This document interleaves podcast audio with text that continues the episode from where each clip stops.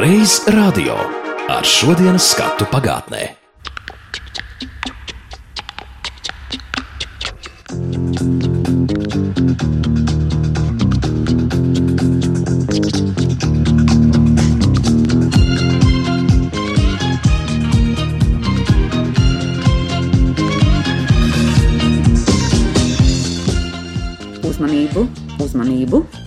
Mikrofons 78, iet vēlna ducī. Mikrofons 78 šodien pēc atkārtota jūsu lūguma, Atsaucoties uz jūsu vēstulēm, īsi atskatoties uz laiku no mikrofons 65 līdz mikrofonam 78. šoreiz mazliet plašāk stāstīs pats par sevi. Precīzāk, Tā 1978. gadā klausītājs uzrunāja mikrofona vadītāji Ausma Indriksone un Gunārs Jākopsons.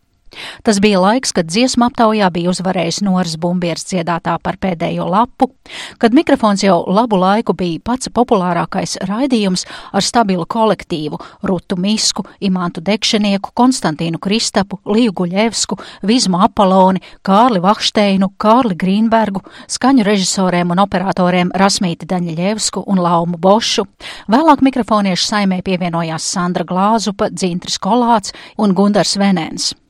Bet palūkosimies, kā un kāpēc šis raidījums sāk skanēt 1965. gada 1. aprīlī. Mazliet par pirmā raidījuma gatavošanu. Vajadzēja mikrofona 65 mutē ielikt to, kas interesētu visus - jaunus un vecus, strādniekus un laukļaudis, optimistus un pesimistus. Tā 1978. gada ierakstā teica paša pirmā raidījuma veidotājs Konstantīns Kristaps. Jo tolaik taču nevarēja stāstīt, ka mikrofons bija veidots ar mērķi, lai aizvilinātu padomi laika klausītājus prom no kaitīgā kapitālistu raidījuma Amerikas balss. Par to tagad stāsta Kārlis Grīnbergs. Tad bija izdomājuši tā, nu, lai atrautu klausītājs no Amerikas balss, neskatoties uz to, ka Amerikas balss tika traucēta. Kā saka, to zāģi laida Jā, pa virsu, jā, lai. Jā. sauc. Un eh, tad, kad taisni tajā laikā vajag tādu raidījumu, kas ļoti piesaistītu cilvēku, tika izdomāts šis raidījums, kuram deva mikrofona vārdu. Un eh, tajā laikā taisni viņam vajadzēja skanēt, kad skan Amerikas balss. Bet kas tad tur sākumā skanēja? Jo nu, šodien, ja mēs pasaka vārdu mikrofons, visi to asociē galvenokārt ar dziesmu aptauju, bet tolaik tas tomēr bija pavisam kas cits. Nē, sākumā, ne? tur bija teksti, tādas intervijas, sarunas materiāli, kas interesēja plašu klausītāju loku. Parasti bija kāds politiskais komentārs. Tur uzstājās Mauriks Vulfsons, Nikolais Neilāns, kas bija ārzemju raidījuma galvenais redaktors. Un, un tur jau bija tāda mazliet interesantākas lietas, lai piesaistītu. Tad tur bija intervijas ar kādiem māksliniekiem, ar glēdznotājiem, bija reportāžiņas mazas no kaut kurienes, no laukiem, no kādiem centriem. Nu, tāda, lai tā programma būtu vispusīga un pa starpu spēlēja muziku. Nu, tā kā šis bija tāds redzījums, teiciens ir, ka pilsētā mīl skaistāko laukos tuvāko un tuksnesī vienīgo. Nu, toreiz mikrofons bija faktiski tas vienīgais tuksnesī tāda veida raidījums. Viņam nebija tajā brīdī neviena konkurenta. Jūs arī ļoti daudz braucāt un tikāties ar klausītājiem. Tādās tikšanās reizēs tika lūgti braukt līdzi kādi mākslinieki, aktieri, tad bija kādi muziķi dažkārt ņēma līdzi, kas koncertēja, un tad cilvēki ar lielu interesi klausījās, un, un, un, un pēc tam viņi uzklāja parasti arī galdu, kur tad mikrofonieši kopā ar tiem kas tur bija organizējuši, tad mēs tur ap vienu galdu, tad mēs drusku papriecājāmies. Bet vai jums tur arī bija jāstrādā? Vai jūs tur intervējāt cilvēks, jūs tam kā? par to vajadzēja taisīt raidījumu, kad mēs tur esam bijuši. Ko, tad, kad jums bija šīs tikšanās ar klausītājiem, ko cilvēki jums jautāja? Ko viņi gribēja zināt par radio? Viņi mazāk gribēja dzirdēt par radio, viņi vairāk gribēja dzirdēt kaut ko par tiem mūziķiem, par to, kas nav saistīts ar politiku. Vai tur bija Žoržs Šiks atbraucis, viņš pastāstīja, kādos koncertos viņš ir piedalījies un, nu, apmēram tādā garā. Līdzās šim tikšanās reizēm klausītāji arī rakstīja vēstules.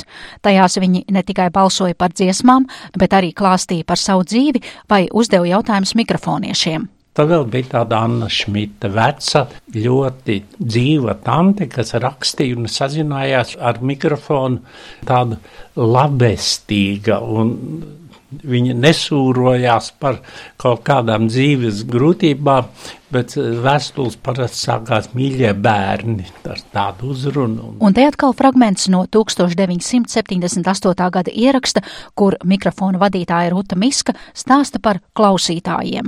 Nu, savus klausītājus, kā ļoti labi zini, mēs galvenokārt pazīstam pēc vēstulēm. Ir daudz tādu, kas raksta regulāri, ir daudz arī tādu, kas sāk ar tradicionālo rakstījumu pirmo reizi. Klausītāja vecums no 11 gadnieka līdz ļoti cienījam vecuma pensionāram. Katram savu gaume, katram savas intereses, savas vēlmes. Reiz radio.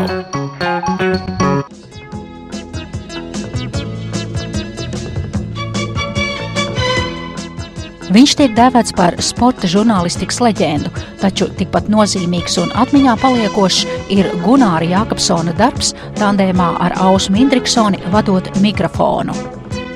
Labvakar, draugi, ar jums runā mikrofons 74. Jā, tieši tā. Nes pāris mikrofonu lapiņas, lai to apjaustu, teiksim, kā toreiz raidījumi tapa, kādā formā un tā, un te lūk, mikrofons 74. Tā ir viena lapiņa vienkārši tā. Mašīna rakstā. Jā, mašīna Ah. rakstā. Bet te ir arī rokraksts. Tas ir mans rokraksts. Redz, ir tāds uh, interesants pieteikums tagad arī Marts mums. Kāds šogad brīnišķīgs pavasaris, saules un ziedu pārbagāts. Viens diktors, respektīvi, ausma no es. Jā. Tālāk, otrs diktors tiešām, kā Jānis Grots sacīs, zied ūdeņi, zeme un gaisa. Tālāk seko teksts. Un teksts par sportu, par ko es ļoti bieži runāju. Arī mikrofonā visu dzīvi es runāju par sportu. Un to varam pierādīt ar šo 1966. gadā tapušo ierakstu, kad mūsu TTT basketbolists atgriezās mājās ar kārtējo uzvaru.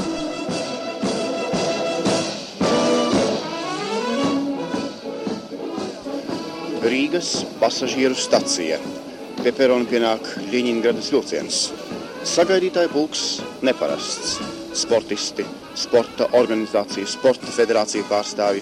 Gaidām ierodamies Rīgas TTT basketbolistas, kuras pirms neilga laika 12. reizi izcīnīja Eiropas kausu un nu kā Ļeņingradā 13. reizi kļuva padomju savienības čempionis. Tātad uzmanību, cienījamie klausītāji, mūsu basketbolistas sagaidīšanai un sumināšanai Rīgas stacijā.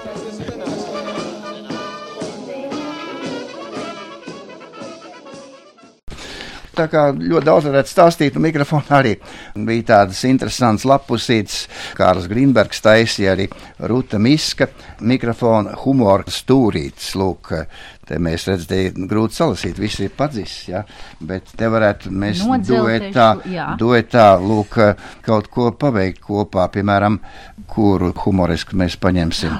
Jā, sagatavojiet biļetes, biļetes, sagatavojiet kontroli, kontroli, tā, tā, tā, lūdzu, lūdzu.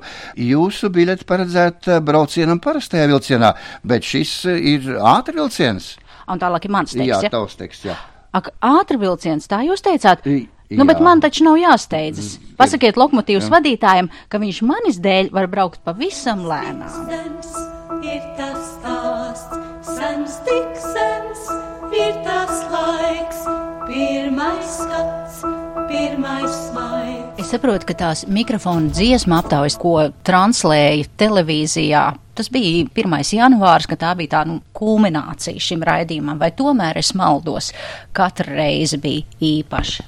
Nē, nu, es domāju, ka tā bija gada kulminācija. Jo, jo sākumā jau nekā īpaša nebija. Es jau sāku teiksim, to klausītāju vilināt, es sāku ar sporta eh, dažādiem sižetiem, konkursiem, 67. gadā un tā, un nekas īpaši negāja. Pēc tam 68. gadā izdomāja to, to aptauju, un arī jau tas klausītājs skaits bija nu, daži desmit sākotnēji. Nu, pēc tam nāca jau otrā aptauja, nu, ar dziesmu nenosalst, un pēc tam jau nu, baltā saule, tad jau nu, baltā saule. To Latviju tā apspīdēja toreiz, to es nevaru aprakstīt arī šodien. Kā šī baltā saule toreiz skanēja Latvijā. Balta saule spīd, visapkārt jūra, jūra vien. Balta laiva slīd, un laivā mēs ar tevi vien. Balta saule spīd, tev sejā jūras požams krīt. Balta laiva slīd. Vai jūs arī bijāt klāt pie to vēstuļu vētīšanas un lasīšanas? Jo saprotu, runa ir par maisu maisiem. Domāju, tagad visas tās vēstules, es nezinu, radiomāja varētu aplīmēt. Sākotnēji, jā, sākotnēji dabīgi, kad es mikrofonā strādāju, cik tur mēs tur bijām, tur 4-5 cilvēki. Vēlāk, kad es jau aizgāju projām uz ziņu redakciju un tā, tad viņi cilvēki ņēmās par šīm vēstulēm tik ilgi, kamēr sāk aicināt talkā uz šo aptauju, to kulmināciju students no universitātes, jo vienkārši nevarēja šīs balss saskaitīt, jo balss jau primitīvi tika skaitīts. Mums tāda zila grāmata bija, nezinu, kur šī grāmata palikusi, ja kāds zina, tad būtu ļoti, ļoti mīļi, ja jūs atsauktos un šo grāmatu atnest uz radio. Es domāju, ka pētot radio vēsturi, šī grāmata varētu ļoti, ļoti noderēt. Grāmata vai bloks zilos vākos. Un tur gan Rūta Mīska, gan Līga, gan vēl citi darbinieki vilka vienkārši sākotnēji strīpiņus. Ah, vēstules, strīpiņš, strīpiņš, strīpiņš. Tur par to, par to, par to. Viņš šīs strīpiņas saskaitīja pēc tam kopā. Tā tas viss sākās. Runājot ar citiem bijušajiem mikrofoniešiem, viedoklis par zudušā lielformāta bloknotu krāsu dalās. Tā esot melni brūna klāde. Lai vai kā, ja nu kāds zina, kur šī vēsturiskā mikrofona liecība atrodas, tad mēs radio ļaudis būsim pateicīgi par tās atrašanu. Reiz radio. Sirds pazemība, diktora kolektīva dvēsele. Tā savulaik žurnālā Ievas stāsti atmiņu rakstā leģenda tika dēvēta Ausma Indriksone, augstākās raudzes radiodiktore un mikrofona balss. Ausma Indriksona un Gunārs Jakobsons bija, kā tagad teiktu, mikrofona aptaujas zīmols, un tā tas turpinājās līdz Ausmas aiziešanai aizsaulē 1982. gada pavasarī. Nu, var jau strīdēties, cik liela nozīme ir saturam, cik liela nozīme ir formai, bet es domāju, ka formai iesaņojumam ir ļoti būtiska nozīme. Mikrofona tapšanā, mikrofona izveidē un mikrofona popularitātes radīšanā.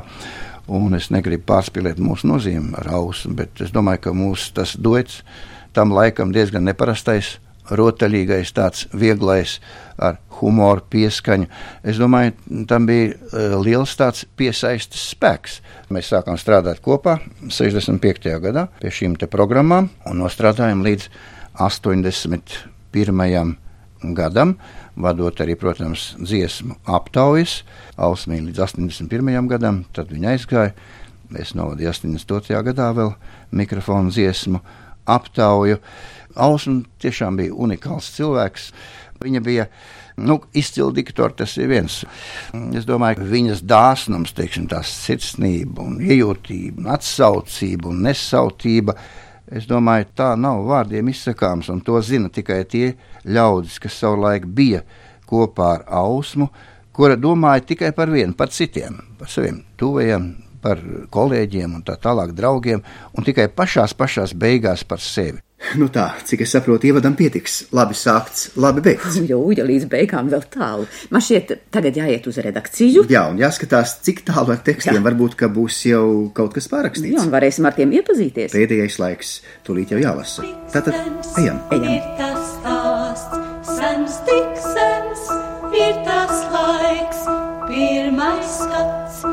Pirmais smaids. Radio elektromagnētisko viļņu raidīšana un uztveršana. Mikrofona aptauja tas nozīmē ne jau tikai populārākās dziesmas noteikšanu Latvijā, bet primāri tas nozīmē latviešu auditorijas sakļaušanos ap kaut ko. Un tas kaut kas tajā konkrētajā brīdī bija dziesma, bet gan Zigmunds Kuiņš, gan Leons Briedis jau atmodas laikā un pēc atmodas gados skaidri un gaiši formulēja to, ka Latvijai nebija jāvienojās kaut kādā veidā jāapvienojās un jāiznāk ārā no savām skalu būdām. Mēs visi jau bijām vienoti mikrofonu aptaujā. Mikrofonu aptaujā, teātrī un dziesmu svētkos. Trīs faktori, kas apvieno latviešu tautu jau ilgi. Un... Lieguļevska, ilgadīga mikrofoniete un vēl ilgadīgāka radiožurnāliste. Šajā raidījumā viņa sāka darboties 1973. gadā. Rudeņos, kad tika izsludināta mikrofona aptauja, es cilvēks sēdot kaut kur laukos, viens pats vai divi tā tumšs, kluss, mierīgs, nekas nenotiek, nezinu, kā tur kaimiņam iet, bet ieslēdzot rādio, viņš dzird, ka tas pats viņa kaimiņš viņš pats un vēl tūkstoši Latvijā balso par to vai par citu dziesmu, ka viņi visi sakļaujās un šajās dziesmās vienojās, un nepavelti skatījās ar palielināmo glāzi uz dziesmu tekstiem, un mums galvas sāpēja visvairāk par dziesmu tekstiem, un bija dziesmas, kuras neglābiem izsvied no aptaujas rāmjiem, un viņas neatskanēja kuras tādas bija? Nu, piemēram, piemēram, vien izskanēja vienreiz, bet atkārtojumā tika noņemta nost, un tā bija ne vairāk, ne mazāk Edgara Liepiņa dziedātā Raimona Paula dziesma ar valda Artavu vārdiem trīs runči, jo to nebija pareizais piedziedājums. Tur bija piedziedājums no buržuāziskās Latvijas laikiem. Skaisti ir jaunība. Un tādēļ saucam.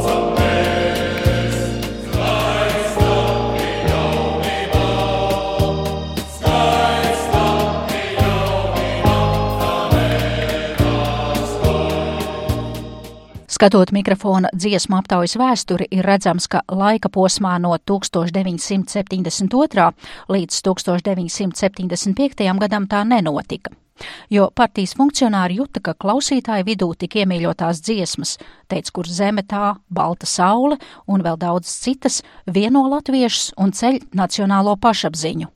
Un to tolaik nevarēja pieļaut. Un 78. gadā uzvarēja Paula dziesma Tava balss, kurai apakšvirsraksts vai pirmais virsraksts bija mēmā dziesma. Un Raimons jau muļķojās, ka viņš uzrakstīs to dziesmu savam sunim, jo tur tas gaudojiens tajā piedziedājumā ir vai ne, bet principā tas absolūti raksturoja laiku, un tas nebija smieklīgi. Pēc mēmā laika, pēc aizliegtā laika nāca mēmā dziesma, un viņi uzvarēja. Sādet savu balsi meklējot, tikai savu balsi vienīgu, tikai savu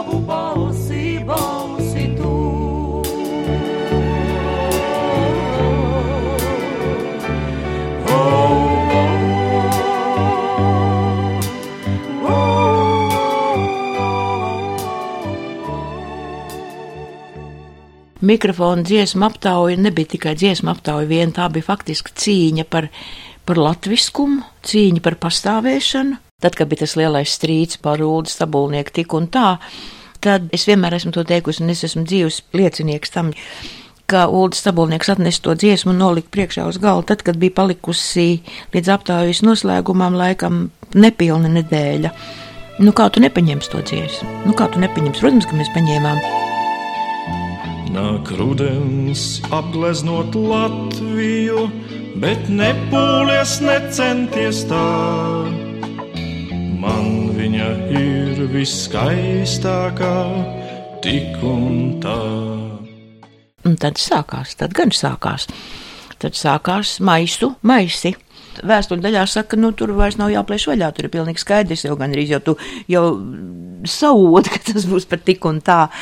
Tad es atceros, kā priekšnieks pateica, ja mēs skaitīsim visu, tad viņi neizies. Viņi sviedīs ārā. Ko nozīmē, ja mēs skaitīsim visu? Ja mēs skaitīsim visus maisus arī pēc noteiktā laika, ja viņi būs pirmā, tad viņi izsviedīs ārā. Tie, kur zina, kas to dara, tā nebija radio komiteja, tā bija centrāla komiteja. Tādā līmenī tas viss notika. Ja viņi būs otrā, tad vēl ir cerības ja noteiktais datums pieņemsim 10. decembris, tāpēc 10. decembrī mēs vairāk neskaitījām nevienu, ne tikai tik un tā. Uzvarēja dāvāja Māriņa. Ja nebūtu tik un tā, ar Māriņu mums bija ļoti liels problēmas, jo centrāla komitejā ļoti labi zināja, kas tā ir par Māriņu, kas dāvāja to mūžiņu, kas tā ir pa Māras baznīca, kas ir radio komitejai blakus, un kas tas vispār ir no augšas, kas visu to vada. Stabulnieku līdz tik un tā to māriņu faktiski arī izglāba zināmā mērā. Tā kā pilnīgi piesedza. Un tad, kad ģenerāla mēģinājumā noskanēja tik un tā, un sporta pils piecēlās kājās un aplaudēja, es nezinu, cik minūtes, piecas vismaz. Un līdz mikrofona aptaujas ierakstam īstajām noslēguma koncertam bija palikuši 40 minūtes. Es teicu Gunāram Jākapsonam, ja tu tagad kaut ko nedarīsi, tad nebūs ne koncerta, ne māriņas, ne tik un tā. Es vairs neaturos, kā Gunārs panāca to, ka beidzās tie aplausi. Vadība, mūsu paša vadība rādio bija pelēki zaļa, jo saprata, ka nu te kaut kas nav īsti riktīgi, vai ne? Un tas bija 1981. gads. 81. gads, un mēs bijām pārlaimīgi, ka viņi tiešām saglabājās, un ka viņa bija, un ka viņa bija otrā, un cilvēki tāpat visu saprata, un arī Uldi zināja, ka īstenībā viņas bija līdzvērtīgas. Un ka īstenībā tik un tā bija pirmā vietā. Principā, ja, arī ja vērtītu visas Jā. vēstules, Jā. tauta Jā. balsoja Jā. par Jā. Bet nāk rudens apgleznot Latviju. Jā. Mazliet par lielu, lai sasildot savu lakatu dotu, par lielu, lai paņemtu klēpī un apmīļotu. Mazliet par mazu, lai palaistu vienu pasaules plašajos ceļos, par mazu, lai laistu vienu es līdzi ceļos. Nāk rudens, izgreznot Latviju, bet nepūlies, necenties tā. Mums viņa ir viskaistākā, tik un tā. Atmiņu kolāžās par teju 30 gadus skanējušo raidījumu dalījās bijušie mikrofona cilvēki Kārlis Grīnbergs, Gunārs Jakobsons un Lija Guļevska. Viņus uzklausīja un raidījumu kopā lika Zane Lāce. Reiz